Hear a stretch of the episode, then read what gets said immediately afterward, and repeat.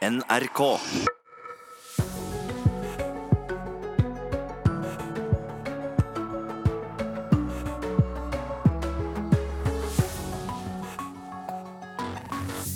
God morgen. I dag kommer eh, dommen mot Michael Flynn, Donald Trumps første nasjonale sikkerhetsrådgiver, som jo har innrømmet at han hadde kontakt med Russland i ukene før Trump ble president. I denne sendingen får du høre mer om omfanget av den russiske innblandingen, for det har nemlig vært veldig stort. Marokkansk politi har sendt etterforskere til det populære turområdet i Atlasfjellene, der en norsk og en dansk kvinne er funnet drept.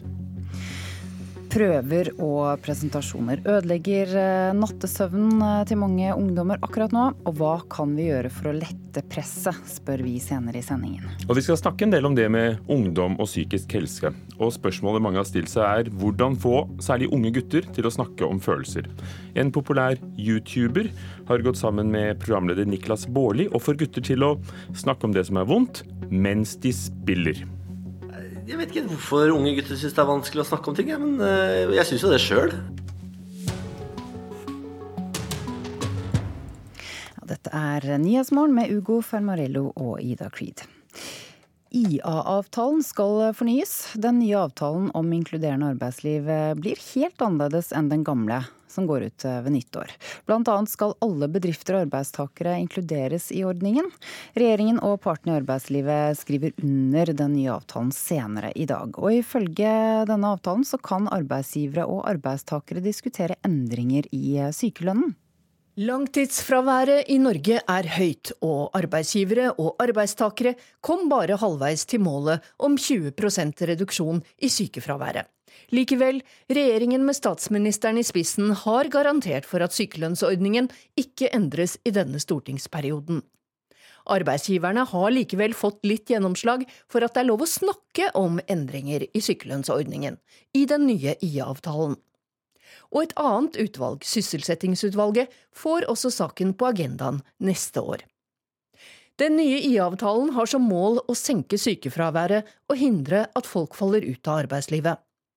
I avtalen som signeres i dag, blir det veldig forenklet sagt ingen IA-bedrifter igjen, erfarer vi. I alle fall ikke når det gjelder tilgang til statens støtteordninger. IA-virkemidlene skal brukes av alle bedrifter fra neste år. I dag er bare 30% av privatbedriftene en IA-bedrift, mens offentlig sektor er IA-bedrifter. De har hatt direkte linje til statens virkemidler for å begrense fravær og frafall fra arbeidsplassene og egne arbeidslivssentre. Nå åpner arbeids- og sosialminister Anniken Hauglie verktøykassa for flere bedrifter og deres ansatte. Og mange nye tiltak blir iverksatt for å holde folk i jobb. For deg som er ansatt, kommer ordningen med utvidet egenmelding på agendaen når den gamle avtalen om et inkluderende arbeidsliv går ut ved nyttår. Nåværende mål om inkludering av funksjonshemmede blir ikke en del av den nye avtalen heller ikke målet om å få flere til å jobbe lengre. Det sa reporter Hedvig Bjørgum. Så skal vi til USA, for i dag kommer dommen mot Michael Flynn, Donald Trumps første nasjonale sikkerhetsrådgiver, som har innrømmet at han hadde kontakt med Russland i ukene før Trump ble president. USA-korrespondent Veronica Westrin forteller hva han risikerer han risikerer vel noe sånn som opptil seks måneder i fengsel. Spesialetterforsker Robert Mueller har jo anbefalt at Flynn skal slippe fengselsstraff. Og det er også det de fleste ekspertene her forventer at eh, kommer til å skje. Eh, flere av president Donald Trumps nære medarbeidere har jo blitt etterforsket for irregulær kontakt med Russland. Og etterforskningen ledes jo av denne spesialetterforskeren. Og han har sagt at Flynn i stor grad bidro til etterforskningen av forbindelser mellom presidentens valgkampteam og russiske myndigheter. Og nå i kveld amerikansk tid så gir Mueller ut et notat der man kan lese store deler av intervjuet Flynn ga til FBI-etterforskerne i januar 2017. Og det var jo under det avhøret at Flynn løy for FBI-agentene, noe han også har innrømma og har gjort eh, i ettertid. Flynn var altså Donald Trumps eh, sikkerhetsrådgiver. Eh, vil en dom påvirke Donald Trump på noen måte? Ja, nå må vi huske på at Flynn kun var nasjonal sikkerhetsrådgiver i 24 dager. Og det er den korteste tidsperioden som noen har hatt eh, dette vervet. Og han måtte jo gå nettopp pga. de løgnene til FBI og visepresident Mike Pence om kommunikasjonen med den russiske ambassadøren. Eh, men også før han var nasjonal sikkerhetsrådgiver, så jobba han for Trump under valgkampen hans. Og når det gjelder Trump, så er jo det her bare enda en sak som innbefatter en av hans nære medarbeidere. Eh, men eh, Michael Cohen, f.eks., som ble dømt til tre års eh, fengsel forrige uke, han var jo mye tettere på Trump enn Flynn. Det er det ingen tvil om. Men Flynn har jo innrømma at det var folk i Trumps overgangsteam som fikk han til å ha denne kontakten med Russland. Så Trump selv har jo vært veldig opptatt av dette og tvitret nylig at han mener at Flynn har fått en great deal når Mueller anbefaler at han skal slippe fengselsstraff. Trump mener jo at det er fordi Russland-etterforskerne er flaue for måten de har oppdratt på. I går ble det også kjent at en nær forretningspartner til Flynn er tiltalt for å ha hatt eh, tette bånd til Tyrkia før eh, valget. Hvor langt har den etterforskningen eh, kommet? Ja, Den vil jo bare fortsette. Det var tiltalen vi fikk i går. Og det er jo sånn også hele Møller-etterforskningen også gjør. Den ser ut til å, å bare gå videre. Fire personer er nå dømt til fengsel som følge av den etterforskningen. Og ja, det er vel ingen som tror at eh, det ikke kan dukke opp flere. Ja, Det sa USA-korrespondent Veronica Westrin. Og senere i sendingen så får du høre mer om Russlands omfattende innblanding i det amerikanske valget. Propagandamaskineriet har jobbet overalt på nettet, fra PayPal til Pokémon Go.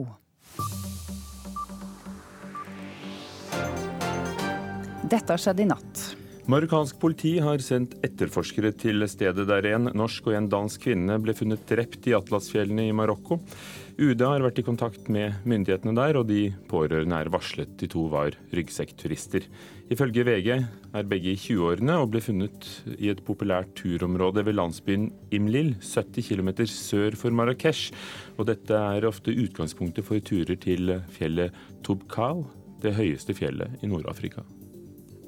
Kort tid etter at våpenhvilen skulle tredd i kraft i havnebyen Hodeida i Jemen, meldes det om kamper i området. Krigen i Jemen har vart i snart fire år nå og ført til ekstrem nød og sult. I forrige uke møttes partene i Sverige og ble enige om en våpenhvile, og så får vi se hvordan det går i timene fremover. Etter mye uenighet har FNs generalforsamling vedtatt eh, avtalen om montering av store flyktningstrømmer med stort flertall. Bare USA og Ungarn stemte imot. Eritrea, Libya og Den dominikanske republikk lot være å stemme. Avtalen skal styrke rettighetene til mennesker på flukt, men også gjøre det lettere for flyktninger å reise tilbake til hjemlandet. Og dette får du vite mer om hvis du følger med på NRK Nyheter i dag. Ja, Trumps tidligere sikkerhetsrådgiver Michael Flynn får dommen sin over ett år etter at han innrømmet å ha løyet for FBI.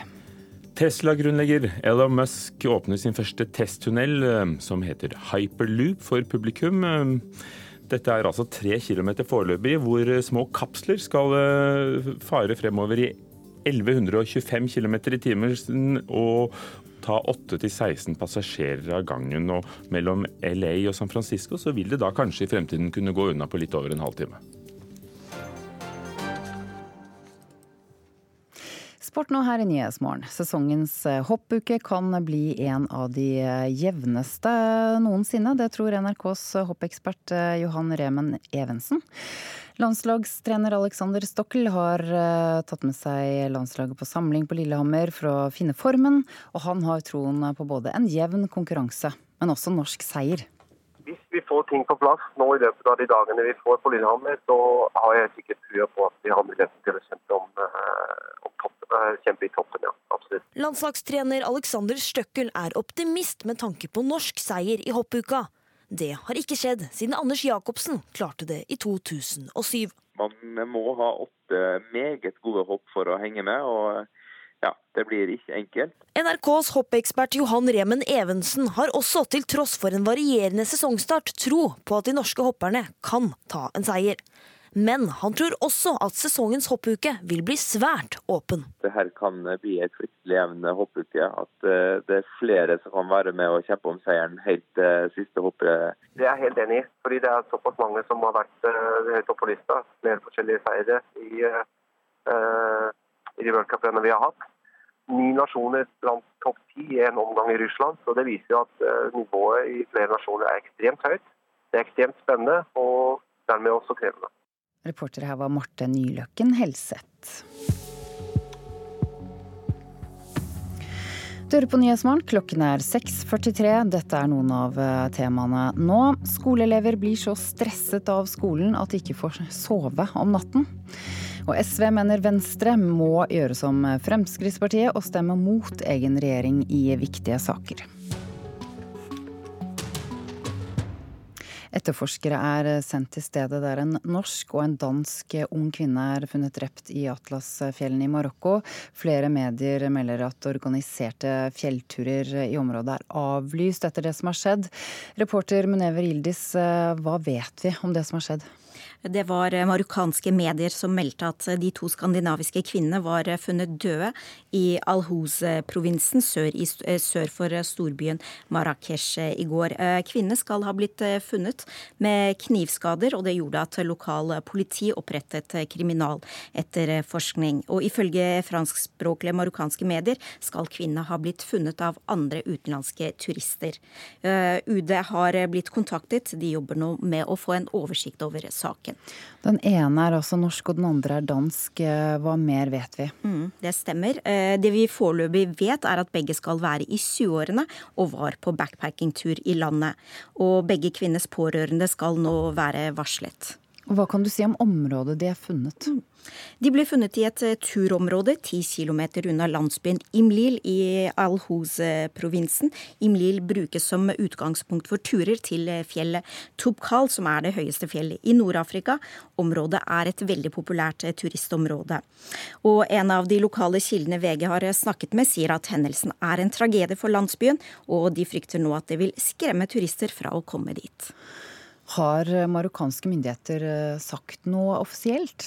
Ikke foreløpig, ikke foreløpig. Ifølge Danmarks Radio jobber myndighetene nå med å komme med en offisiell uttalelse.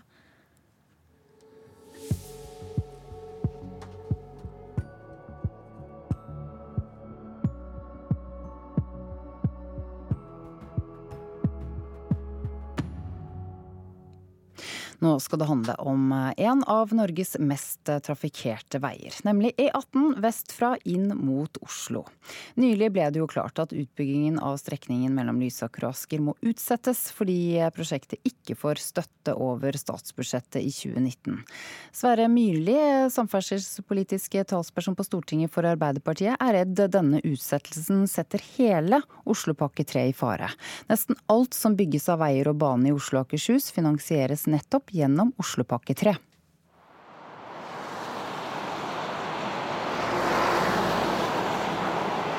Biler og busser suser nedover E18.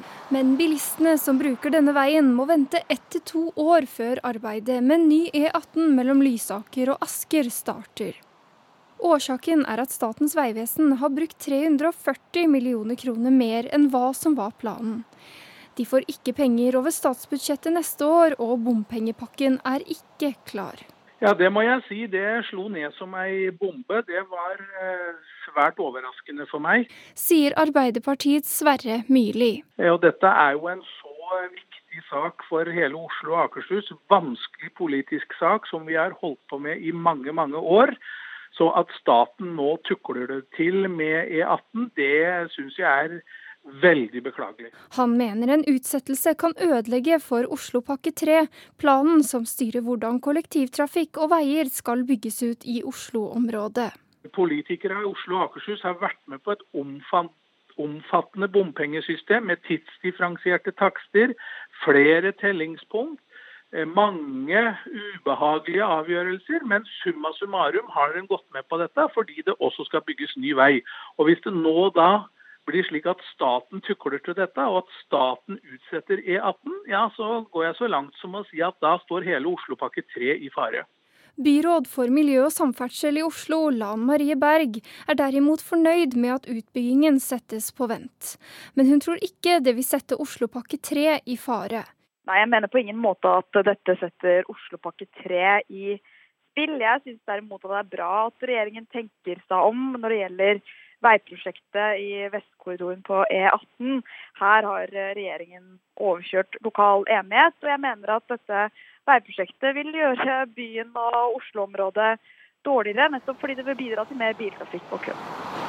Når bilistene som benytter seg av E18 kan forvente at prosjektet står ferdig, er ikke klart. Statens vegvesen og Vegdirektoratet henviser til en pressemelding. Her skriver de at det nå skal ryddes opp i de 340 millioner kronene som er brukt over det som er budsjettert. Og at de er klare til å gå videre med prosjektet når finansiering er i orden og bompengeproposisjonen er behandlet. Reporter Karoline Tolvsen og Kaja Staude Michaelsen.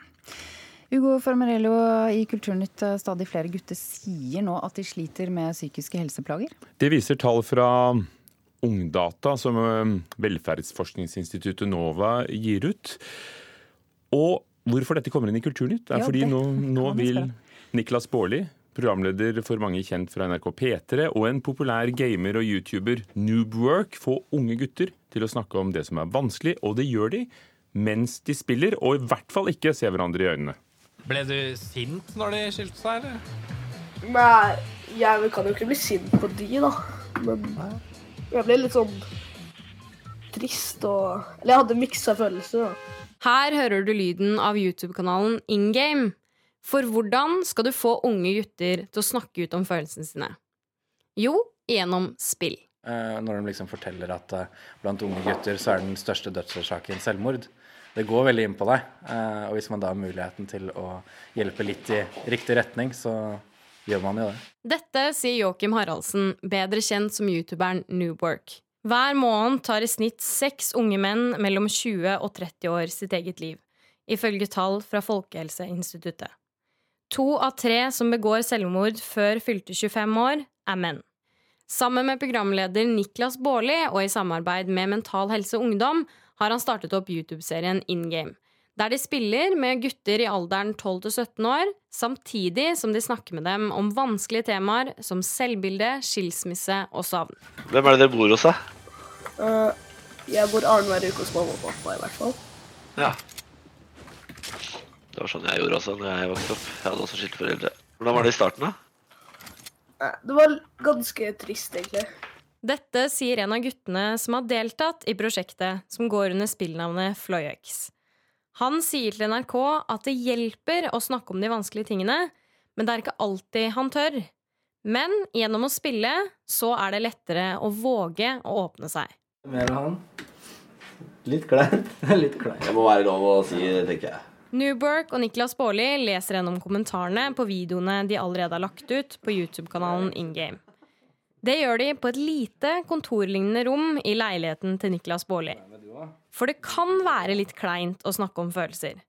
Og da kan det være greit at de sitter sånn, på hvert sitt gutterom, og spiller. Før Bårli bringer et alvorlig tema inn på skytebanen. Eh, så det vi har egentlig gjort, er egentlig bare å gjøre det med, med makt. Bryte opp døra, og så starte rett på.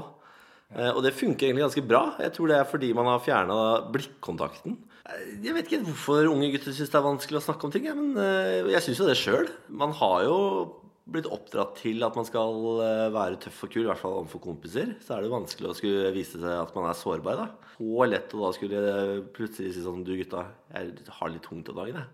Og hvorfor kan det være så utrolig vanskelig for unge gutter å snakke om ting? Per Arthur Andersen, eller Helsebror som han liker å kalle seg, driver Oslos første helsestasjon for gutter.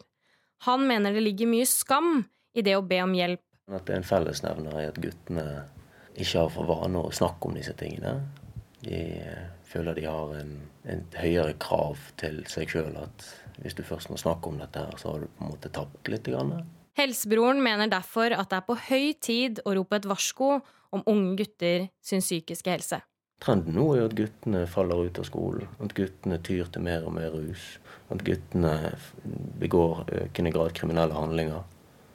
At guttene tar sitt eget liv. Og kanskje kan det være et lite steg i riktig retning å snakke sammen mens man spiller. Det håper i hvert fall Niklas Baarli. Det er på tide at også unge gutters mentale helse kommer opp på banen og får en mye større plass. Eh, og dette her er bare en bitte liten dråpe i det gigantiske havet. Niklas Baarli, reporter Kaja Andreassen. Den tidligere fotballstjernen Jon Carew fortsetter skuespillerkarrieren etter å ha gjort suksess i TV-serien Heimebane. Kulturreporter Daniel Eriksen, hva skal Carew spille nå? Nå skal Jon Carew spille pensjonert bokser og ambassadeansatt i en serie som heter Jonathan Fort. Det er den første av tre serier han skal lage for det ukrainske publikummet. Serien skal spilles inn i Ukraina, men produseres av norske selskaper. Det er nemlig slik at Ukrainas myndigheter vil erstatte russiske produksjoner med vestlig innhold.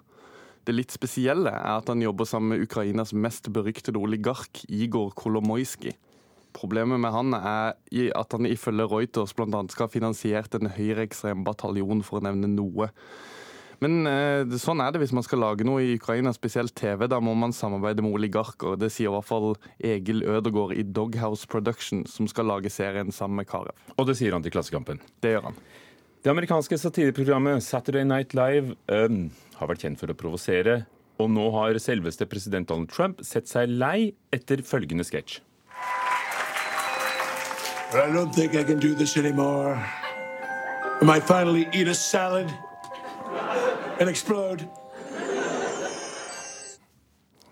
Det er jo Alec Baldwin vi hører her. som uh, Alec Baldwins Trump er jo blitt veldig kjent. Uh, og Det er også en kjent sak at presidenten ikke kan fordra dette programmet Saturday Night Live. Nå går han ut på Twitter og sier at han vil at programmet skal vurderes av en domstol. Det skriver Dagbladet.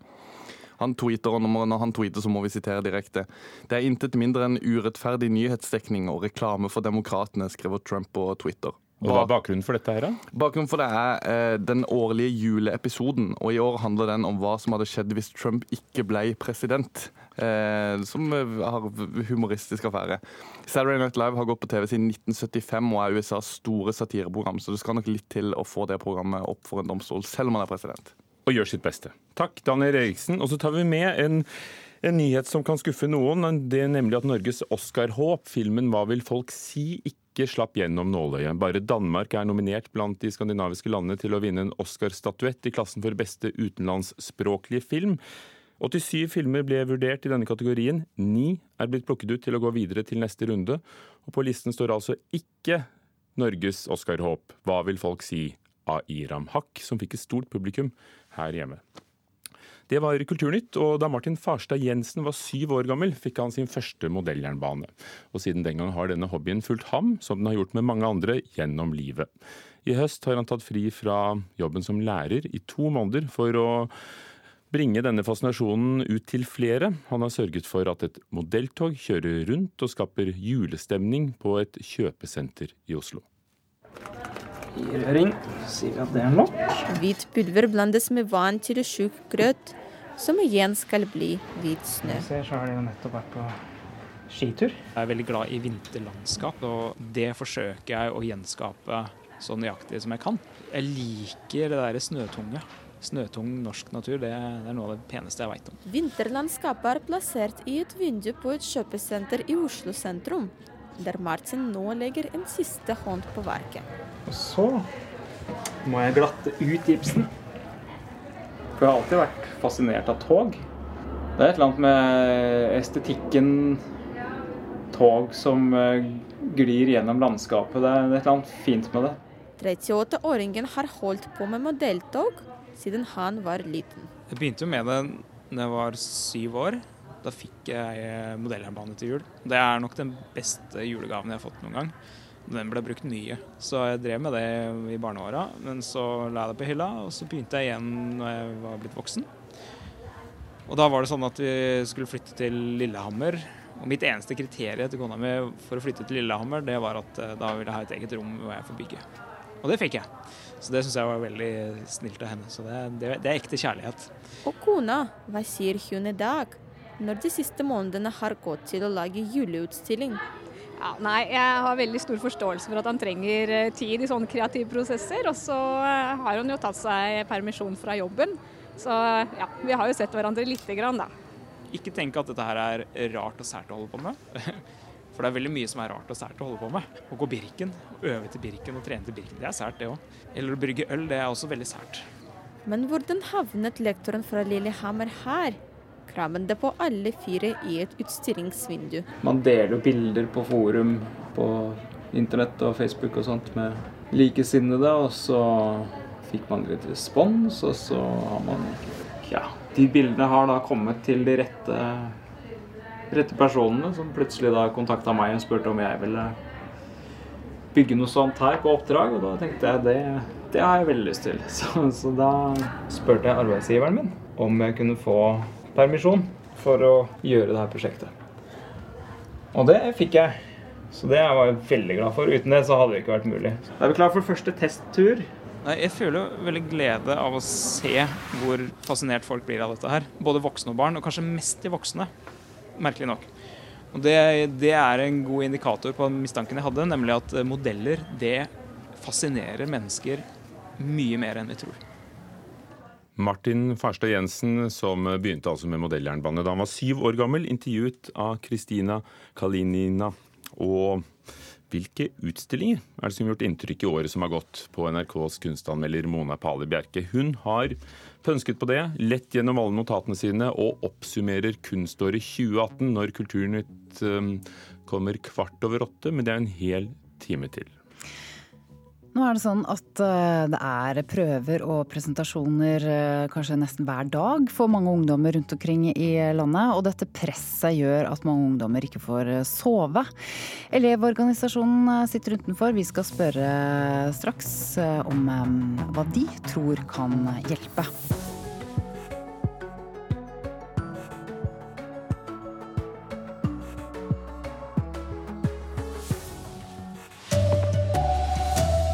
Den nye avtalen om inkluderende arbeidsliv vil gjelde alle virksomheter og ansatte. I dag kommer dommen mot den tidligere tryggingsrådgiveren til Donald Trump. Her er NRK Dagsnytt klokka sju. I den nye avtalen om inkluderende arbeidsliv, som blir signert av regjeringa og arbeidstakerne i dag, kan arbeidsgiverne og arbeidstakerne diskutere endringer i sykelønna. Langtidsfraværet i Norge er høyt, og arbeidsgivere og arbeidstakere kom bare halvveis til målet om 20% reduksjon i sykefraværet. Likevel, regjeringen med statsministeren i spissen har garantert for at sykelønnsordningen ikke endres i denne stortingsperioden. Arbeidsgiverne har likevel fått litt gjennomslag for at det er lov å snakke om endringer i sykelønnsordningen i den nye IA-avtalen og et annet utvalg, sysselsettingsutvalget, får også saken på agendaen neste år. Den nye IA-avtalen har som mål å senke sykefraværet og hindre at folk faller ut av arbeidslivet. I avtalen som signeres i dag, blir det veldig forenklet sagt ingen IA-bedrifter igjen, erfarer vi.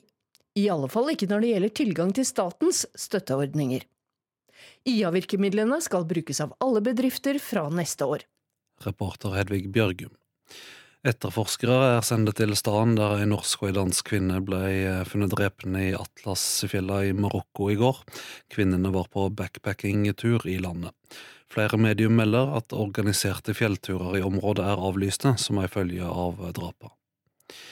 I dag kommer dommen mot Michael Flynn, som var nasjonal tryggingsrådgiver til den amerikanske presidenten Donald Trump. Flynn har vedgått å ha hatt kontakt med Russland i ukene før Trump ble president. Men straffa blir ikke lang, forteller korrespondent Veronica Westrin. Han risikerer vel noe sånt som opptil seks måneder i fengsel. Spesialetterforsker Robert Mueller har jo anbefalt at Flynn skal slippe fengselsstraff. Han har sagt at Flynn i stor grad bidro til etterforskningen av forbindelser mellom presidentens valgkampteam og russiske myndigheter. Og nå i kveld amerikansk tid så gir Mueller ut et notat der man kan lese store deler av intervjuet Flynn ga til FBI-etterforskerne i januar 2017. Og det var jo under det avhøret at Flynn løy for FBI-agentene. NSB har betalt tilbake nær fire millioner kroner til staten grunnet innstilte avganger de siste fem årene, det skriver Dagsavisen. NSB trenger ikke betale staten hver gang et tog er innstilt, men dersom det skjer for ofte, må selskapet betale 10 000 kroner. Når britiske Go-Ahead tar over trafikken på Sørlandsbanen, blir prisen 25 000 kroner. NRK Dagsnytt, Vidar Eidhammer.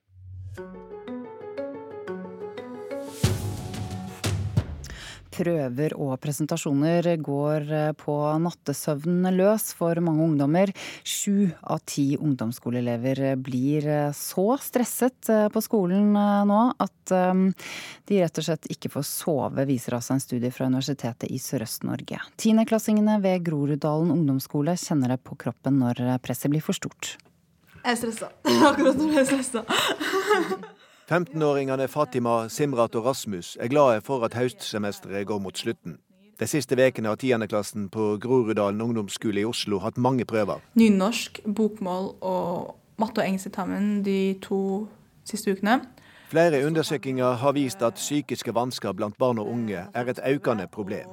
Men en ny studie fra Universitetet i Sørøst-Norge, den første som bare har sett på skolerelaterte faktorer, viser bl.a. at sju av ti spurte opplever skolearbeid som stressende. Tre av ti engster seg så mye at det går utover nattesøvnen. Og verst er det blant jentene. Mange jenter kan liksom stresse mye mer. Før prøven sånn en uke før eller noe, så er de oppe hele natta sånn. Vi snakker mye sammen om at vi stresser veldig mye, og mens guttene tar det mer chill da. Man får kanskje ikke sove så bra om nettene, og man stresser veldig mye, og da kan det være dårlig for personen, da. Bak undersøkinga står mellom andre forskerne Marie Lisbeth Amundsen og Per Einar Garmams Lund. Det denne undersøkelsen eh, antyder, det er jo det at den, det gapet mellom de to gruppene, da, mellom kjønnene her, det, det, er ganske markant, egentlig. Gjennom ungdomsskoletida øker presset, sier Garmamslund. Selvfølgelig også i den grad, iallfall noen steder i, i, i byene og sånt, da, på å komme inn på noen skoler kan jo da være høyt. Steffen Handal leder Utdanningsforbundet. Han mener lekser og prøver må tilpasses elevene og undervisningssituasjonen. Og Det betyr selvfølgelig at, eh, at lærerne og skolene må unngå at det kommer for mange tester på en gang og for mye lekser på en gang. Han vil ha en grundig gjennomgang av vurderingssystemet i skolen.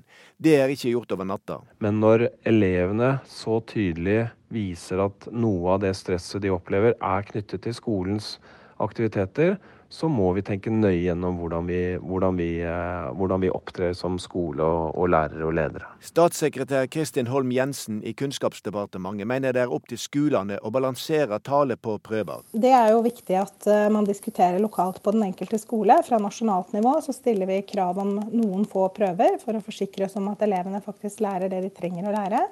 Og så må skolen og læreren i samarbeid med skoleeier lokalt finne ut hva som er riktig nivå for prøver, og passe på at det ikke blir for mye, og at det er jevnt fordelt gjennom året. Faget livsmestring og folkehelse skal inn i skolen for å lære elevene å meistre stressituasjoner, som gjerne har sin bakgrunn i nettopp skolearbeidet. Er det et paradoks? Både det å bli testet og vurdert og møte andre forventninger, det er noe vi alle vil oppleve gjennom livet, og dette faget vil gi elevene bedre støtte til å håndtere sånne utfordringer. Men stress er ikke bare negativt, ifølge Fatima. Som jeg, da, jeg jobber best under stress også. Da, da jeg føler også jeg får vist meg på best, best mulig måte også.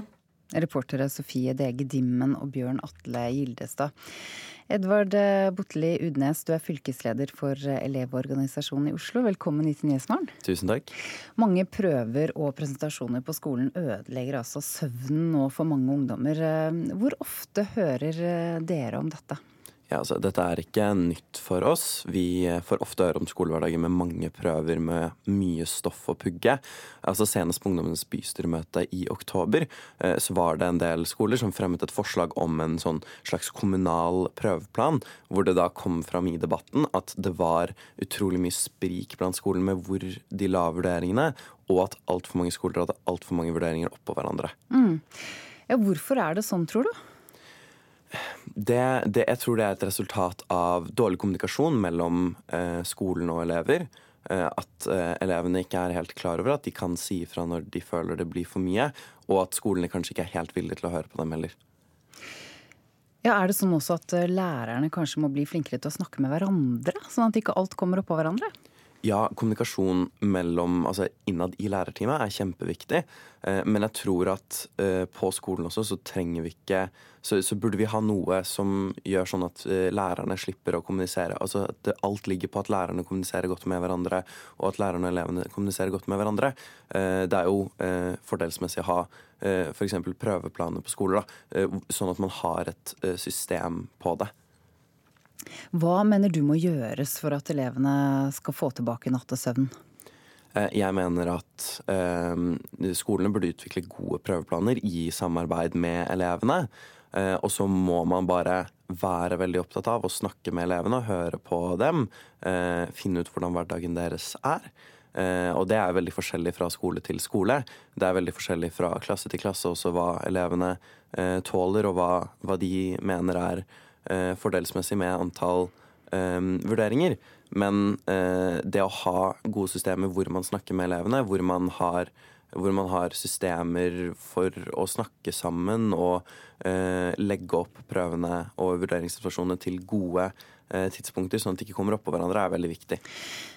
For eh, disse ungdommene kommer jo til å møte masse press og stress antagelig senere i livet. De må vel kanskje også lære seg å takle dette?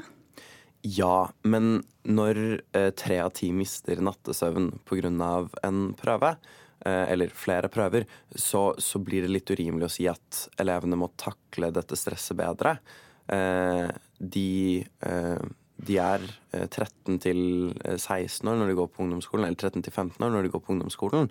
Og såpass mye stress som vi hører burde de ikke ha. Ja, Er det sånn at hvis man øh, bruker eh, karakterer i mindre grad, at det kanskje også kan være en vei å gå? Ja, det har jo blitt øh, gjennomført øh, prøveprosjekter over hele landet med at man ikke har halvårskarakterer, f.eks. på ungdomsskolen. jeg husker Morellbakken ungdomsskole i Oslo gjorde det. Eh, disse skolene har fått ganske gode resultater, hvor man da heller har gode tilbake, skriftlige tilbakemeldinger fra lærer, hvor det ikke står en tallkarakter, men det står hva du skal gjøre for å gjøre det bedre i faget, og eh, hva du gjør bra nå. Eh, mm. det har funket veldig bra, og det tror jeg også, og det når lærere tar eh, prøver uten karakterer også, eh, så tror jeg man ser med en gang at elever stresser mye mindre til de prøvene. Og hva kan elevene selv gjøre? Altså, vi kan eh, lære oss eh, bedre opp i studieteknikker og eh, tenke at dette er ikke eh, en prøve som er så viktig, eller dette er ikke så viktig at jeg skal sitte oppe til klokken fem. Men når det er såpass mange som eh, sliter med dette, så tror jeg det er noen strukturelle problemer i skolen, da, og ikke eh, oss som er dårlige på studieteknikker. Denne undersøkelsen viser jo at det er ganske store forskjeller mellom jentene og guttene. Da altså jentene stresser aller mest. Hvorfor tror du det er sånn? Altså, jeg, eh, jeg tror det er forskjellige forventninger til gutter og jenter om hvordan man skal gjøre det på skolen. Eh, jeg tror det er forskjellige forventninger hvor, hva man setter eh, til seg selv. Så det, det er flere jenter som, enn gutter som føler at de må prestere for å være noe verdt? Eh, det, eh, det, vet jeg ikke, men det er det vi ofte får uh, Altså, det er det vi ofte får beskjed om og får høre. Men det, dette er jo veldig interessant, og Stoltenberg-utvalget skal jo se på dette. De legger fram rapport i februar, tror jeg, og da kommer vi til å få veldig mange, av, veldig mange svar på disse spørsmålene. Tusen takk for at du kom hit i Nyhetsmorgen. Edvard Fotli Udnes, fylkesleder for Elevorganisasjonen i Oslo.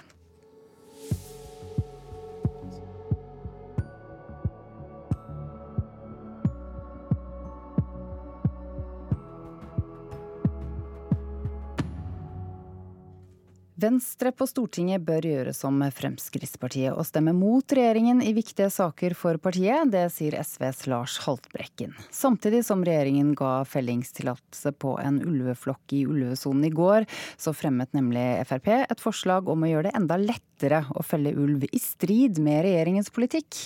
Nå mener Haltbrekken at Venstre må gjøre det samme for å dra miljøpolitikken i riktig retning.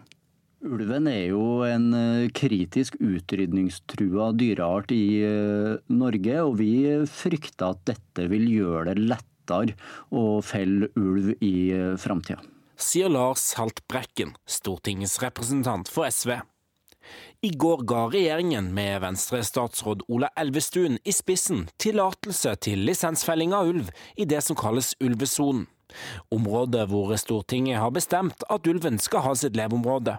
Det at man eh, nå for første gang går inn og tillater ulvejakt i eh, det området hvor ulven skal tas vare på, det er veldig beklagelig.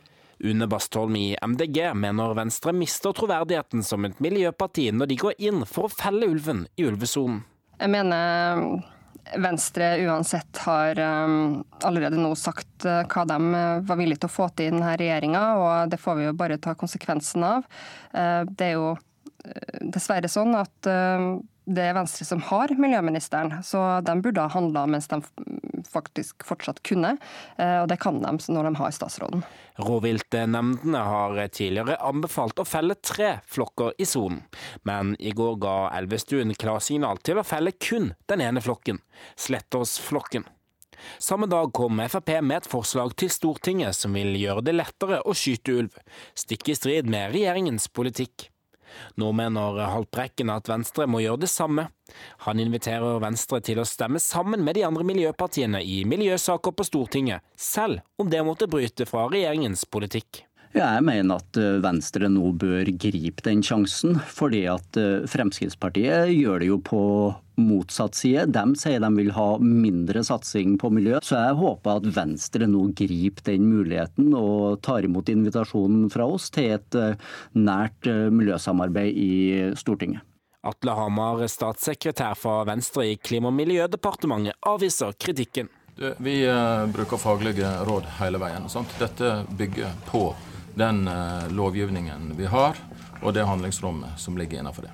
Han har også liten tro på at Haltbrekken får med seg partiet på å gjøre opprør i Stortinget. Du, jeg eh, regner med at eh, klima- og miljøpolitikken som regjeringen har vedtatt, den står regjeringspartiene bak. Og så regner jeg med faktisk at det er andre partier i Stortinget som kan også støtte dette.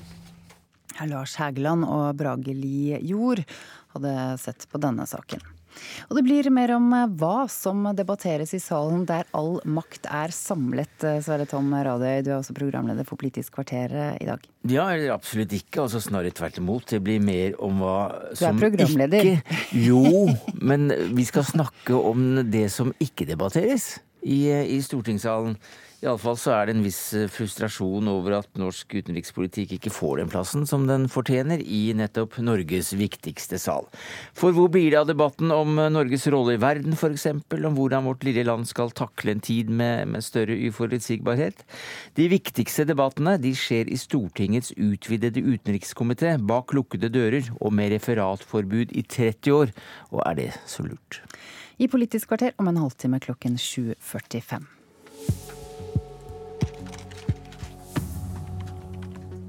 Klokken er 7.15 akkurat der. Dette er Nyhetsmorgen. Vi har disse overskriftene. Etterforskere er sendt til stedet der en norsk og en dansk ung kvinne er funnet drept i Atlasfjellene i Marokko. Den nye avtalen om inkluderende arbeidsliv vil gjelde alle bedrifter og ansatte. Og i dag kommer dommen mot den tidligere sikkerhetsrådgiveren til Donald Trump. Og Russlands eh, forsøk på å påvirke presidentvalget i USA i 2016 var langt mer omfattende enn det vi tidligere har trodd. Det viser to nye rapporter som er laget for det amerikanske senatet. Russland brukte alt fra Facebook og Twitter til mobilspillet Pokémon Go for å hjelpe Donald Trump til å bli president. Og utenriksmedarbeider Petter Auli Hauge, hva forteller disse rapportene om denne russiske aktiviteten?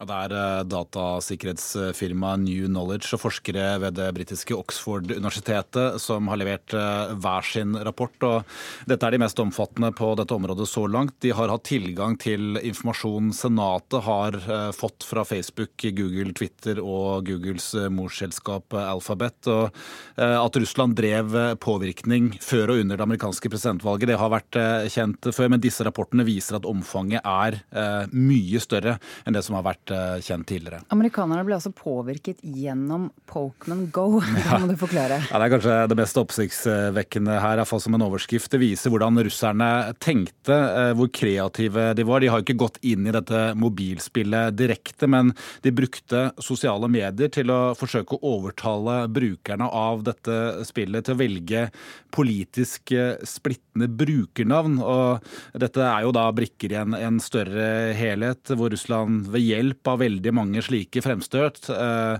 forsøkte å eh, ytterligere splitte en allerede splittet amerikansk befolkning. Og så viser rapporten at Russland gikk etter konservative velgere. På hvilken måte? Ja, det er forskerne ved Oxford som har sett nærmere på hvem Russland forsøkte å nå frem til. og De har funnet at det, det særlig var konservative velgere russerne var interessert i. De ble fòret med polariserende budskap om innvandring, rase og våpenrettigheter. Og Denne eh, rapporten viser tydelig at man forsøkte å splitte amerikanerne på rase, religion og ideologi. Og Det var også et eh, mål å svekke tilliten til amerikanske demokratiske mm. institusjoner. Mm. Så hva skjer videre med disse rapportene? De skal nå publiseres av Senatets etterretningskomité. Da får vi, får vi, hele bildet. Det vi vet så langt, er, er det eh, enkelte senatorer har referert fra, fra, disse rapportene. Eh, om Senatet offisielt vil stille seg bak, det vet vi ikke enda, men man kan vel forvente at disse rapportene vil, vil legge ytterligere press på selskapene som, som eier disse sosiale eh, mediene. De har jo forsøkt å rydde opp etter at dette ble, ble kjent, men ifølge rapportene så finnes det fortsatt eh, kontoer som kan knyttes eh, til, til, eh, til Russland. Takk, utenriksmedarbeider Petter Auli Hauge. Nå skal det handle om hvordan politikerne her hjemme stemmer over klimapolitikken i hverdagen. Vi kan jo slå fast at det blir viktigere og viktigere fremover. Selv om politikerne snakker varmt om å få, plass, få på plass forskjellige miljøtiltak, så er det jo ikke alltid de tar beslutninger som bidrar til det. Og er dette et større problem i Rogaland enn i resten av Norge? Det mener Venstre i fylket. I 2021 så kommer Norge til å ha 70 elektriske ferger. I Rogaland så kommer vi til å ha null. Kjartan Alexander Lunde for partiet Venstre i Rogaland er oppgitt over manglende klimaengasjement i fylkespolitikken. Også andre steder enn når det gjelder ferjedrift. Vi ser flere og flere fylker vedtar at det nå skal være nullutslippsdrosjer, mens Rogaland har stemt ned Venstre sine forslag på dette området. Sist i fylkestinget i Haugesund 11.12. så ble klimasaka sett på spissen. I utgangspunktet så er det stor semje i salen om at klima er viktig. Slik fylkesvaraordfører for Arbeiderpartiet Marianne Skjesak slo det fast fra talerstolen. Vi skal nå klimamålene våre. Vi har utrolig dårlig tid. Og som Arne Bergsvåg for Senterpartiet følger opp. For Senterpartiet også er det viktig å få redusere klimautslipp. Vi er for at det skal være ordninger når det gjelder nullutslippskjøretøy og sånn. Men så var det tid for praktisk politikk.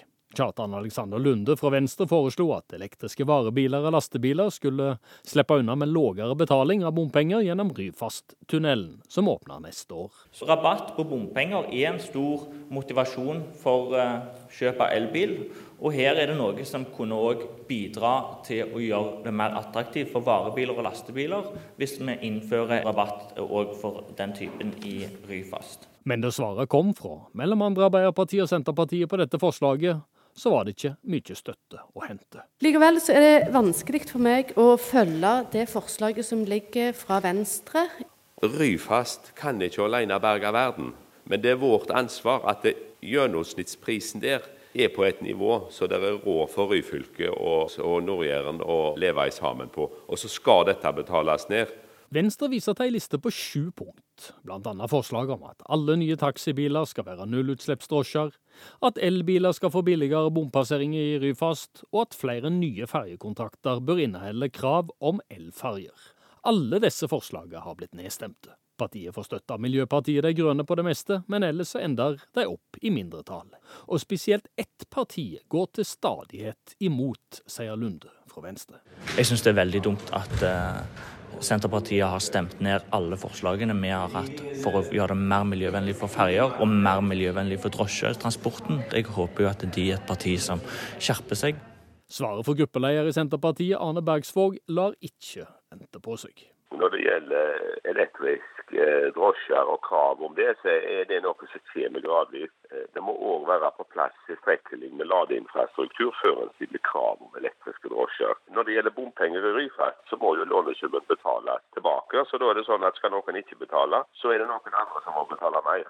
Og en del av disse forslagene fra Venstre er ting som gjør lite, men koster mye. Og det er ikke slik at det ikke blir satsa på miljø i Rogaland, mener flertallet som viser til at de betaler én million i året for at selskapet Klimapartner skal rekne ut hvor mye klimautslipp som kommer fra Rogaland. De deler ut miljøvernpris til 50 000 kroner hvert år, og de har lagt ut mye penger på en rapport om tilrettelegging for biogass. Vi har mye større ambisjoner i Venstre enn hva mange av de andre partiene har. Og eh, vi fremmer jo forslag òg på alle disse områdene, men dessverre så er ikke de andre partiene med oss like langt på miljø som Venstre ønsker alltid.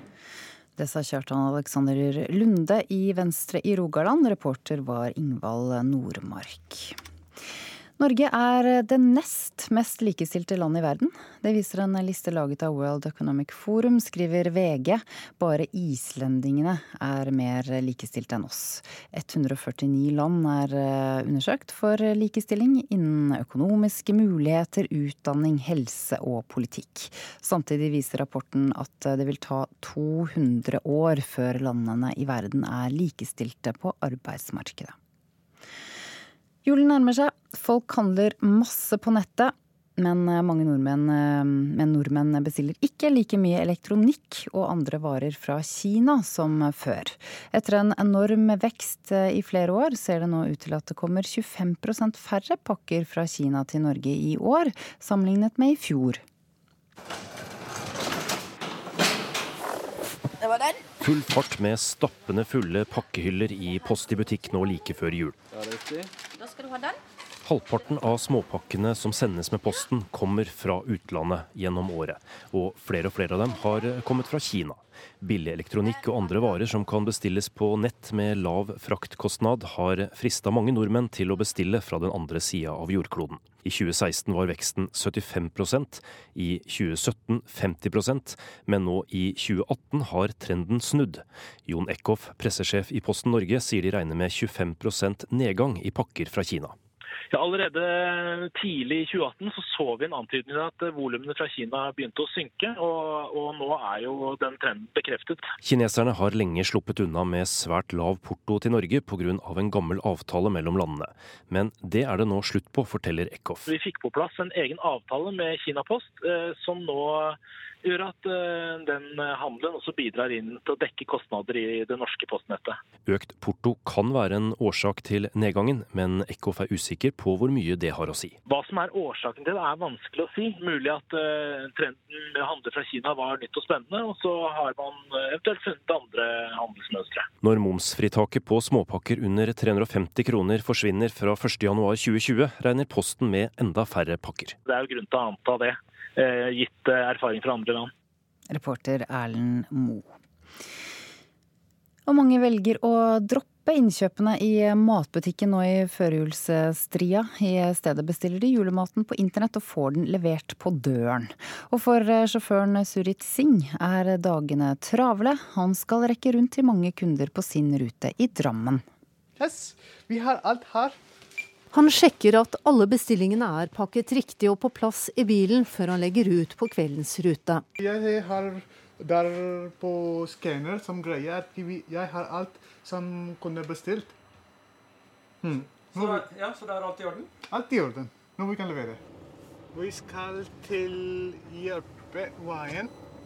Surjit skal ut på ruta si og levere maten til kundene. Lista med leveringer er lang, spesielt nå før jul. Og i matposene bak i bilen er det mye julemat. Pga. jul, mange bestiller ribbe, julebrus, alt. Har dere flere kunder nå rundt jul enn ellers i året? Ja, vi har flere kunder også som stor bestilling. Vanligvis de bruker ikke så mye varer. De bestiller ikke så mye varer, men pga. jul de bestiller så mye julebrus, ribbe, kjøtt. Alt. Hei, god dag. Er levering fra Konya. Første stopp på ruta er en familie på Konnerud. Det er enda mer, så jeg kommer en til. Det er veldig praktisk, eh, og så er det en del rimeligere, har vi erfart. Det sier Jon Reidar Vinge, som tar imot flere poser med mat fra Surjit. Så da i full jobb så er det greit å kunne planlegge der på en søndag hele, hva vi skal gjøre hele uken og spise hele uken. Så har vi kontroll over. Hva, hva er det dere bestiller eh, når dere bestiller på nettet? Du, Vi bestiller egentlig alt. Eh, det er eh, stort sett bare melk og brød som vi bestiller utenom, eller er innom og, og kjøper utenom. Ellers så er det stort sett hele alt vi spiser i, i hverdagen. Er det lettere å planlegge, syns du? Ja, det er veldig mye lettere. Og så er det noe med Skal man velge Det er mange varianter, mange leverandører av de ulike produktene. Og det gjør at man kanskje kan lettere se for prisforskjeller. Eh, som er noe ikke vi er så flinke til, for du bare kaster opp i vogna det man trenger. Men nå ser man faktisk alle ved siden av hverandre, og man kan lettere sammenligne pris. Da. Så det er kanskje også lettere da å ikke kjøpe for mye? Absolutt. Neste stopp på ruta til Surjit er hos en småbarnsfamilie, og døren åpnes av mamma Hege med ett barn på armen og ett i hånden. Du, nå gjør jeg det fordi det er det enkleste i hverdagen, med en på tre og en på åtte måneder. Og han er syk, og det snør ute, eh, og jeg har ikke bil til daglig. Da er dette som du ser, med ti poser med julevarer, veldig greit å få på døra. Så dette er julematen som, som, ligger her i posene? Ja, noe må jeg ut i butikken og kjøpe. Ribbe og sånn. Men uh, alt av melk og fløte og surkål og alle de tunge tinga som man uh, kan få hjem, er veldig greit å få rett på døra. Letter det litt av din, uh, ditt stressnivå nå før jul, eller? Ja, det gjør det, særlig med to barn. Og det er lettere å sitte hjemme og bruke tid på å planlegge det nøye og legge det inn i bestilling ettersom behovene kommer, enn å stå i butikken og så er det plutselig tomt for noe, og så må man til en annen butikk osv., så, videre, så har man litt mer kontroll. Så nå er eh, nesten hele julemiddagen den er på plass?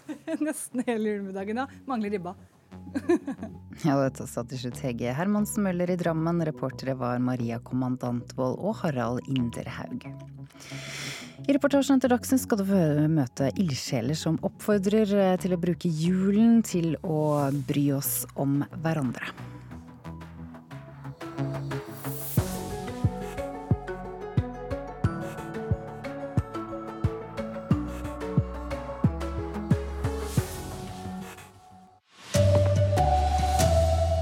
Skoleprøver går utover nattesøvnen for mange ungdommer. YouTube-kjendis vil hjelpe unge gutter med psykiske helseplager gjennom spill. Den nye avtalen om inkluderende arbeidsliv vil gjelde alle virksomheter og ansatte. Her er NRK Dagsnytt klokka 7.30. Sju av ti ungdomsskoleelever blir stressa av prøver på skolen, syner en studie fra Universitetet i Sørøst-Norge. Tiendeklassinger ved Groruddalen ungdomsskole i Oslo kjenner det på kroppen når presset blir for stort. Jeg er stressa. Akkurat nå er jeg stressa. 15-åringene Fatima, Simrat og Rasmus er glade for at høstsemesteret går mot slutten. De siste ukene har tiendeklassen på Groruddalen ungdomsskole i Oslo hatt mange prøver. Nynorsk, bokmål og matte og engelsk de to siste ukene. Flere undersøkelser har vist at psykiske vansker blant barn og unge er et økende problem. Men en ny studie fra Universitetet i Sørøst-Norge, den første som bare har sett på skolerelaterte faktorer, viser bl.a. at sju av ti spurte opplever skolearbeid som stressende. Tre av ti engster seg så mye at det går ut over nattesøvnen.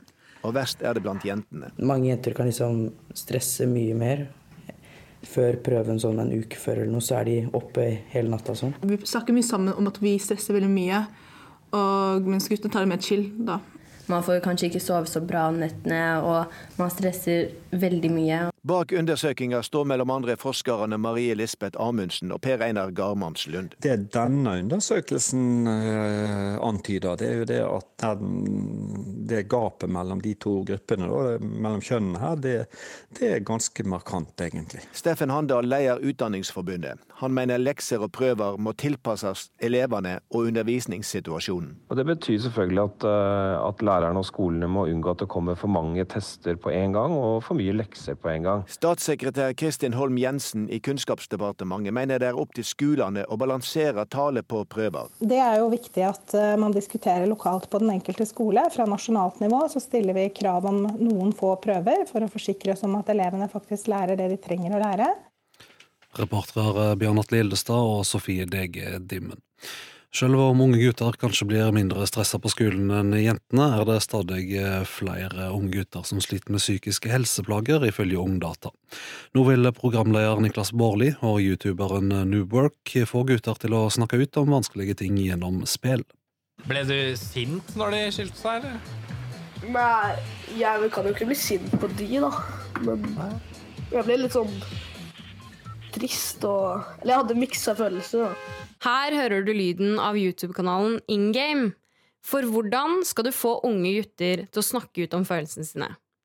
Jo, gjennom spill. Eh, når de liksom forteller at eh, blant unge gutter så er den største dødsårsaken selvmord. Det går veldig inn på deg. Eh, og hvis man da har muligheten til å hjelpe litt i riktig retning, så gjør man jo det. Dette sier Joakim Haraldsen, bedre kjent som youtuberen Noobwork. Hver måned tar i snitt seks unge menn mellom 20 og 30 år sitt eget liv, ifølge tall fra Folkehelseinstituttet. To av tre som begår selvmord før fylte 25 år, er menn. Sammen med programleder Niklas Baarli og i samarbeid med Mental Helse Ungdom har han startet opp YouTube-serien In Game, der de spiller med gutter i alderen 12 17 år, samtidig som de snakker med dem om vanskelige temaer som selvbilde, skilsmisse og savn. Hvem er det dere bor hos, da? Uh, jeg bor annenhver uke hos mamma og pappa, i hvert fall. Ja. Og kanskje kan det være et lite steg i riktig retning å snakke sammen mens man spiller. Det håper i hvert fall Niklas Baarli. Det er på tide at også unge gutters mentale helse kommer opp på banen og får en mye større plass. Eh, og dette her er bare en bitte liten dråpe i det bitte, gigantiske havet. Reporter Gaia Marie Andreassen. Etterforskere er sendt til stedet der en norsk og en dansk kvinne i 20-åra ble funnet drept i Atlasfjella i Marokko. Organiserte fjellturer i området er nå avlyste, som en følge av drapene, melder flere medium. Reporter Munever Gildis, hva har kommet fram om det som har skjedd? Mm, det var marokkanske medier som meldte at to skandinaviske kvinner var funnet døde i Al-Huz-området sør for storbyen Marrakech. Kvinnene ble funnet med knivskader i teltene sine, og lokale politikere politi opprettet kriminaletterforskning. Jeg snakket med UD litt tidligere i dag. De samarbeider nå med den danske ambassaden i hovedstaden Rabat, og UD sier de vil bistå pårørende om de selv ønsker det. Og ifølge UD er begge kvinnenes pårørende nå varslet. Hva område er dette? Kvinnene ble funnet i et turområde ti kilometer unna landsbyen Imlil i Al-Huz-provinsen. De var på backpacking-tur i landet. Imlil brukes som et eh, utgangspunkt for eh, turer til fjellet Tubkal, som er det høyeste fjellet i Nord-Afrika, og området er et veldig populært eh, turistområde. Landsbyen er i sjokk, sier lokale kilder til danske Ekstrabladet. Og en av de lokale kildene som VG har snakket med, sier hendelsen er en tragedie for landsbyen, og frykter nå at det vil skremme turister fra å komme dit. Reporter Munever Gildis. Våpenhvila i Hodeida i Jemen ble bråten bare minutt etter at den ble satt i verk, melder nyhetsbyrået AFP. Partene i Jemenkrigen ble samlet om ei våpenhvile i den strategisk viktige havnebyen under samtalene i Sverige forrige uke. Krigen mellom styresmaktene og Houthi-militsen har ført til en enorm humanitær katastrofe i landet, ifølge FN. I denne nye avtalen om inkluderende arbeidsliv, som blir signert av regjeringa og partene i arbeidslivet i dag, kan arbeidsgiverne og arbeidstakerne diskutere endringer i sykelønna.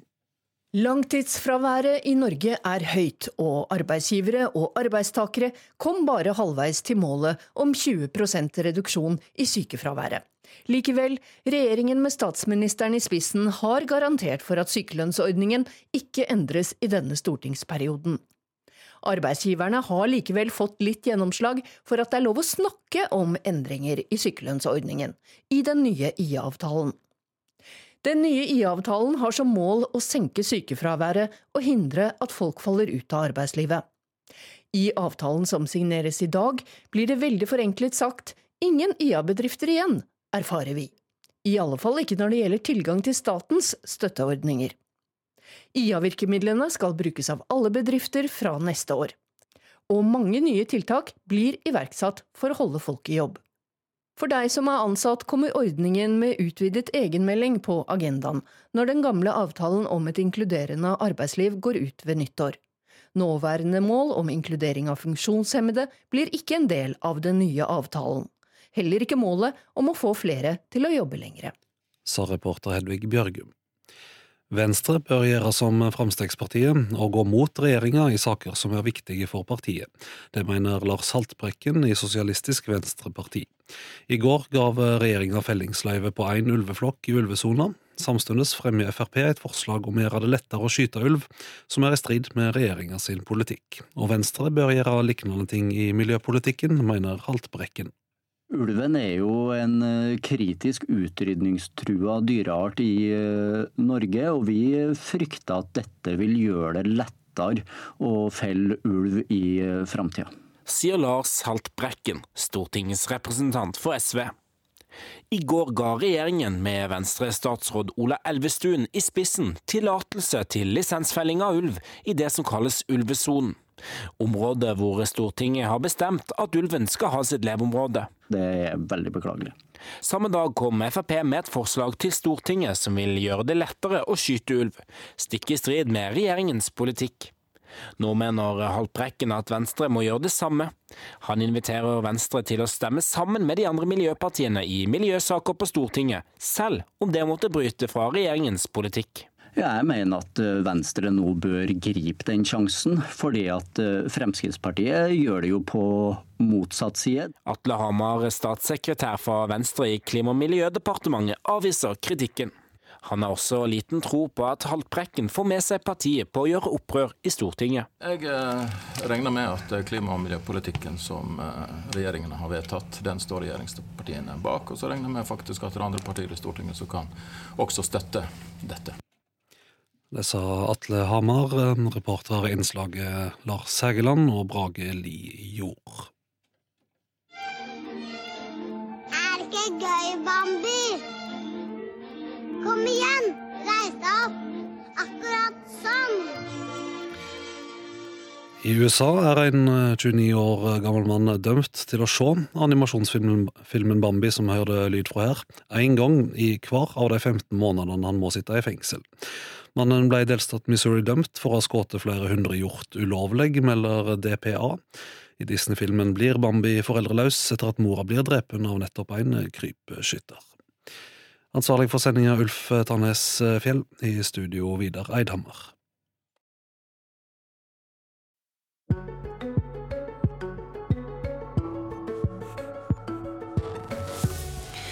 Vi går eh, inn i en julehøytid eh, der mange også kjenner seg ensomme.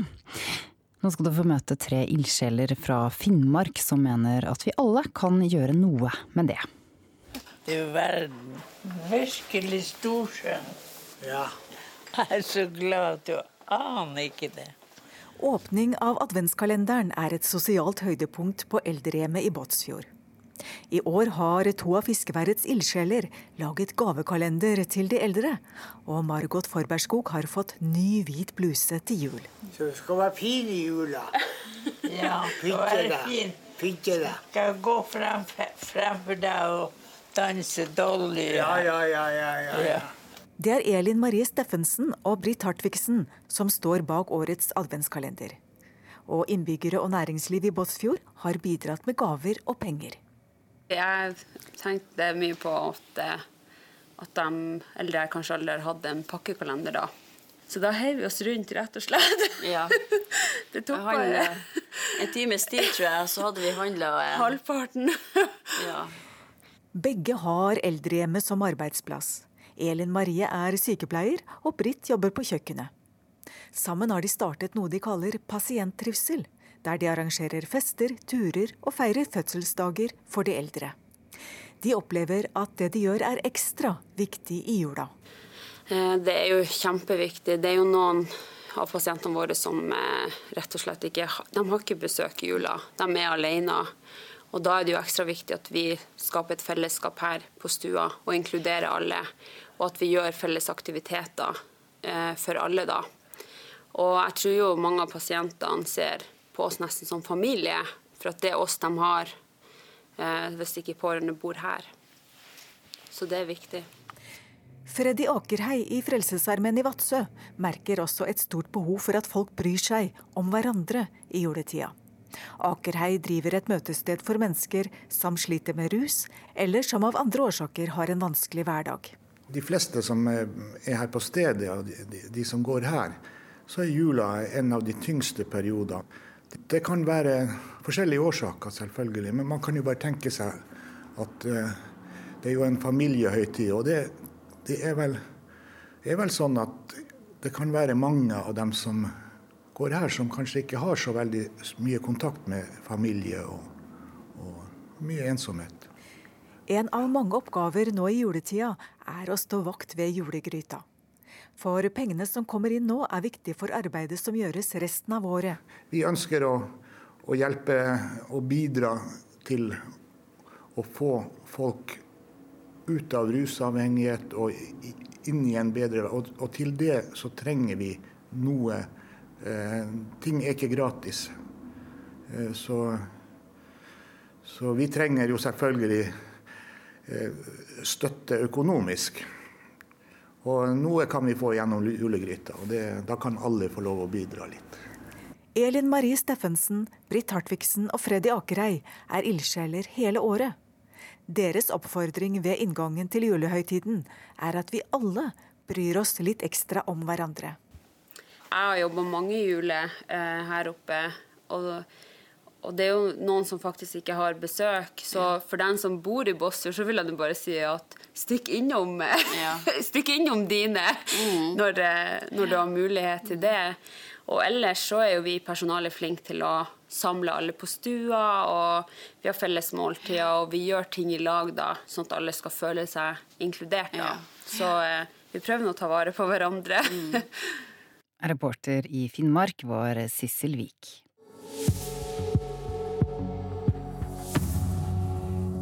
Stortinget debatterer eh, sjeldent norsk utenriks... Eh, nei, ikke norsk. Stortinget debatterer sjelden utenrikspolitikken. Det er eh, påstanden som skal tas opp i Politisk kvarter nå straks. Og dette er de viktigste overskriftene denne morgenen. Prøver og presentasjoner går utover nattesøvnen for mange ungdommer. YouTube-kjendis vil hjelpe unge gutter med psykiske helseplager gjennom spill. Og den nye avtalen om inkluderende arbeidsliv vil gjelde alle virksomheter og ansatte.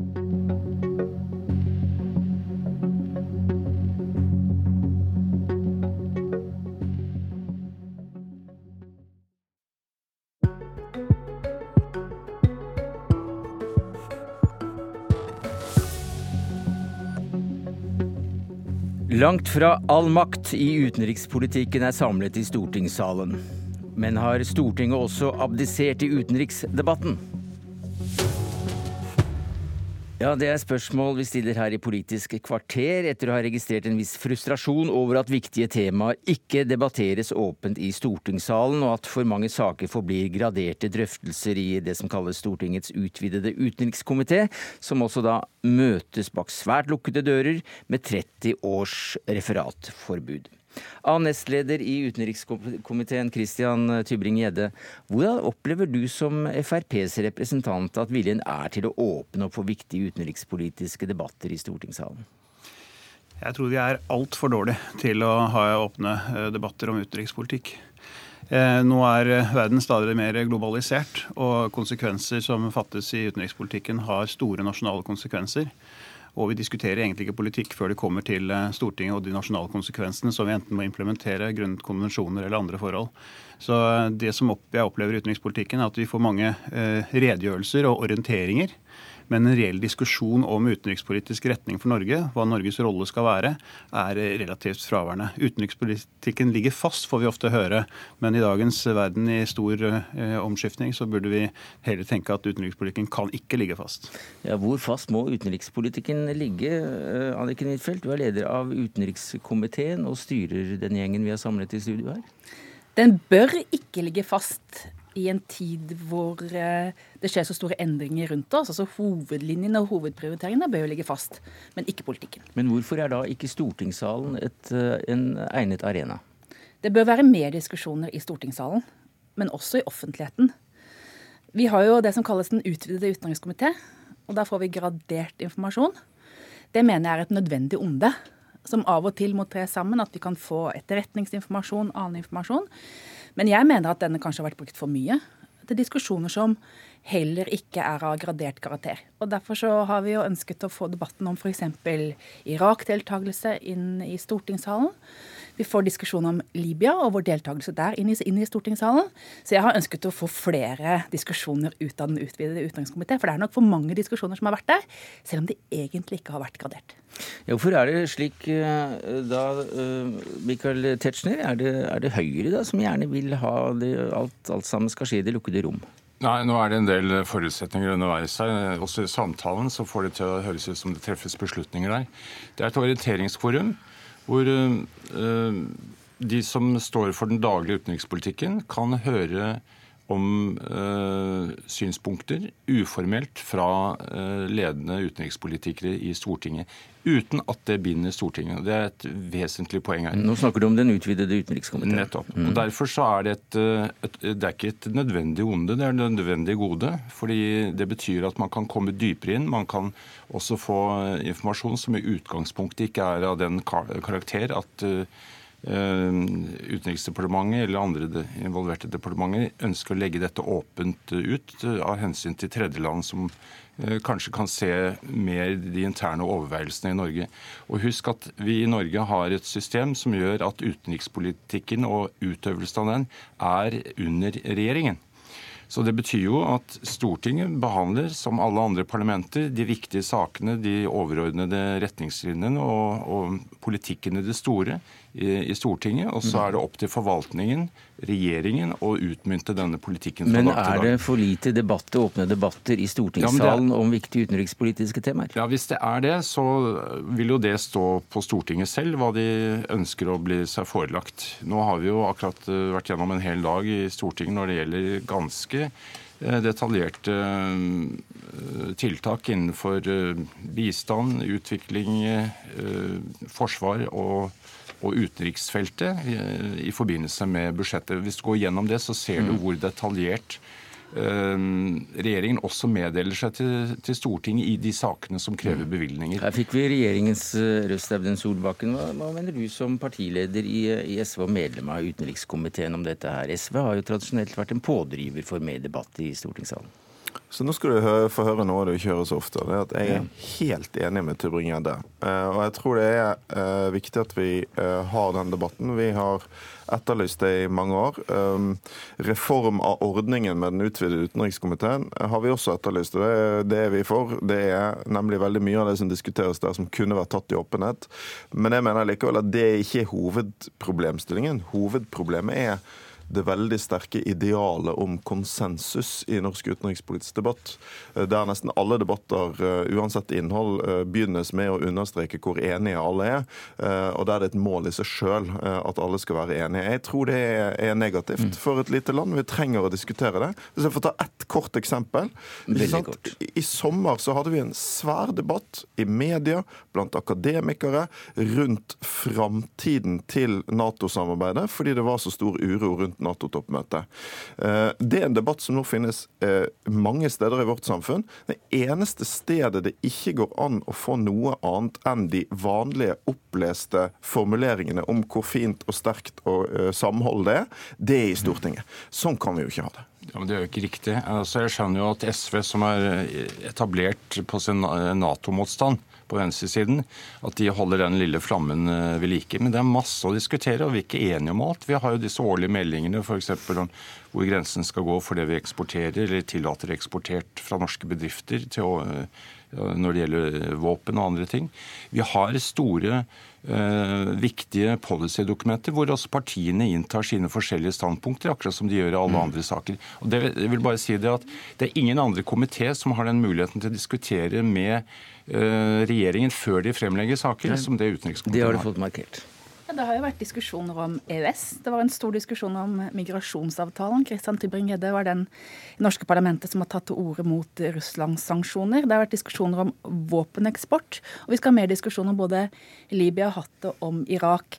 Men jeg er nok uenig med Audun Lysbakken her. Vi trenger mer debatt, men vi trenger ikke mer konflikter.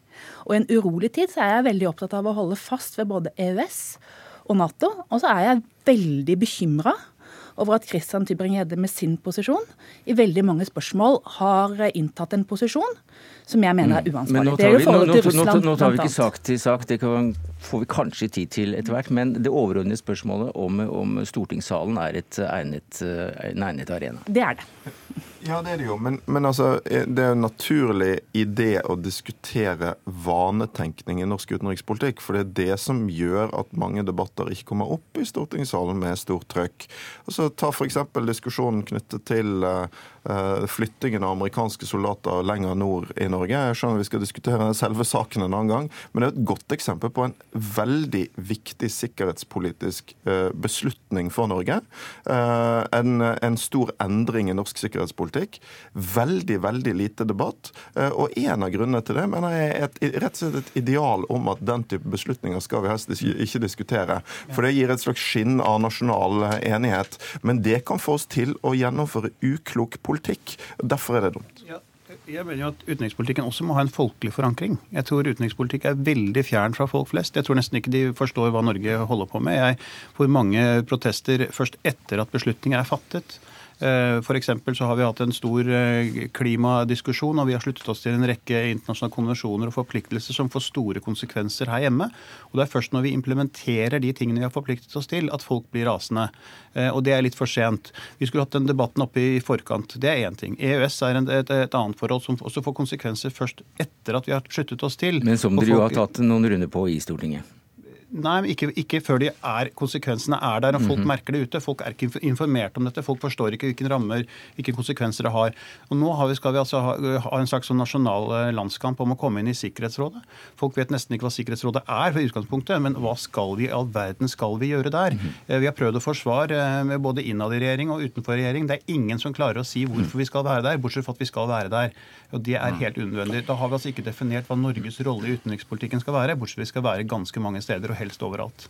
Ja, Nå syns ikke jeg folk er så dumme eller følger så dårlig med som eh, Christian Tybring-Gjedde.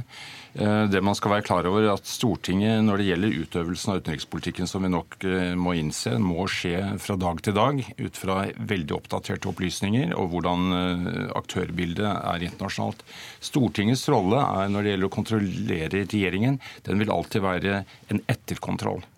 Når det så gjelder policydokumenter som gjelder fremover, som, altså, som budsjettet og prinsipper, så, de, så, vil Stortinget være sterkt inne i bildet. Og da er det jo forarbeidet i komiteene, mm. det ordinære, det ordinære komitéarbeidet, som heller ikke er åpne, og som heller ikke er diskusjonsarenaer, men hvor partiene former sine standpunkter. Kanskje også i mange saker, heldigvis, finner sammen om det som skal være en bred eh, backing for norsk utenrikspolitikk. Og så får vi til slutt eh, debatten i stortingssalen. Dette er feil, Tetzschner. Det er ikke Stortingets oppgave å drive etterkontroll i utenrikspolitikken. Det er slik nei, at når det gjelder sanksjoner generelt, sier jeg. Det er, nei, men altså når det gjelder f.eks. sanksjoner mot Russland, så skal jo Stortinget, og det står i loven, konsulteres først. Når det gjelder f.eks. amerikanske soldater som er på midlertidig basis her nå, så var jo vi konsultert først. Når det gjelder deltakelse i f.eks. militære operasjoner, så skal Stortinget konsulteres først. Så jeg mener at det er viktig at vi gjør det den utvidede utenrikskomité, men vi må ta ansvar for å få flere debatter inn i det offentlige rom. For utenrikspolitikken angår langt flere enn tidligere. Det, det, viktigste eksempelet tror jeg vi har hatt uh, gjennom mange år nå på at et ekstremt viktig tema er underdebattert, er jo den deltakelsen Norge har hatt i en rekke kriger ute i verden. Uten at jeg kan si viktigheten av det spørsmålet har vært gjenspeilet på Stortingets dagsorden. Men jeg har lyst til også da å si at her er jo en sammenheng. Det er alltid en sammenheng mellom hva som debatteres i Stortinget, og hva Stortinget er opptatt av, og hva som skjer, ikke minst her vi er nå, f.eks. i media. Og Her er det en slags eh, sånn ond sirkel, fordi at uh, jeg opplever at at journalistene også tenker at saker som det ikke er spenning rundt i Stortinget, er heller ikke interessante. Så mange av disse temaene er også underdebattert, f.eks. i dette studioet. Og Det har vi et felles ansvar for, tror jeg. fordi eh, noen av de aller viktigste beslutningene Norge tar, de er kronisk underdebattert. Eh, krigsdeltakelse i utlandet, det aller viktigste eksempelet. Men vi, eh, vi, i mediene blir ikke med på den rungende enigheten om norsk utenrikspolitikk, hvis det er den du etterlyser? Men, men det som er utfordringen, er ofte at hvis f.eks., og vi i SV gjør jo ofte det, frem fremmer forslag som bryter med vanetenkning i norsk utenrikspolitikk og sikkerhetspolitikk, så kan det være vanskelig å få oppmerksomhet rundt det. Fordi det er vanskelig å få debatter om ting som uh, alle de store partiene er uenig i. Men uh, vi har i hvert fall prøvd å løfte uh, saken om det er for, for mye hemmelighold rundt debatten om, om, norsk sikkerhetspolitikk, f.eks. Tybring-Gjedde, hva mener du må gjøres for at stortingssalen igjen blir en adekvat arena? Jeg tror det er to problemstillinger her. Først er det hvordan regjeringen fatter sin og samler sin utenrikspolitikk innad i regjeringen. Det er en egen diskusjon. Man får hele tiden høre at det er regjeringens prerogativ til å, drive utenrikspolitikk. Og så kan man spørre hvor foregår de reelle diskusjonene om utenrikspolitikk innad i regjeringen. Eh, og Da er jeg opptatt av f.eks. FNs rolle og vår votering i, i, i FN, som er eh, mm. veldig mange ganger veldig mye mot det jeg står for og Fremskrittspartiet står for. Men uten vi, at vi er orientert om det. Til, vi kommer tilbake jo. til disse enkeltspørsmålene i, i senere debattprogrammer. Det, det, skal jeg love deg, Tybring-Gjedde. Men, men hvordan kan du være med å løfte debattene inn i stortingssalen hvis du ønsker det? Ja, Det at man tør å ta standpunkter som ikke nødvendigvis er konsensus. og Det gjør jeg stadig vekk for å diskutere det. Ikke nødvendigvis for at jeg har alt eh, rett, men fordi at man trenger å diskutere f.eks. konsekvensene av sanksjonene mot Russland, som jeg tok opp. Det var en konkret sak. Men det er jo eh, slik at når skal vi noen gang komme ut av disse sanksjonene før Russland forlater Krim? For de kommer aldri til å forlate Krim.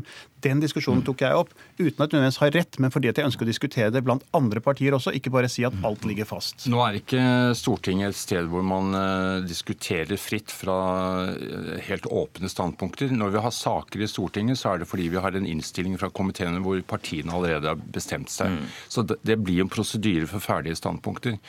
Eh, så ble jeg forsøksvis irettesatt fra Huitfeldt her, fordi jeg pekte nemlig på at i alle andre sammenhenger enn utenrikspolitikken så mm. driver Stortinget etterkontroll hvis utover de store dokumentene og, og mål formuleringene. Så se på klokka, så har vi ett minutt igjen. Men jeg må bare likevel si at vi har den fordelen ved å ha disse eh, konsultative organene som gjør at før regjeringen låser sine mm. standpunkter, så kan de avstemme stemningen mm. med ledende enkeltpersoner. Mm. Men det betyr ikke at de fratas det eh, konstitusjonelle ansvaret for sine egne beslutninger. Lysbakken, hvordan kan du jobbe for at eh, flere saker løftes inn i, inn i den åpne salen? Så det viktigste opposisjonspartiene kan gjøre, er rett og slett å fremme forslag. For da må Stortinget Stortinget diskutere det. Eh, mm. Vi har f.eks. denne høsten fremmet forslag om en eh, forsvarskommisjon for å gå gjennom norsk sikkerhetspolitikk, mm. men den ble møtt med ganske øredøvende taushet. Huitfeldt, du som leder, du er opptatt av å nettopp eh, løfte sakene opp i, i det offentlige rom. Hvordan kan du gjøre det?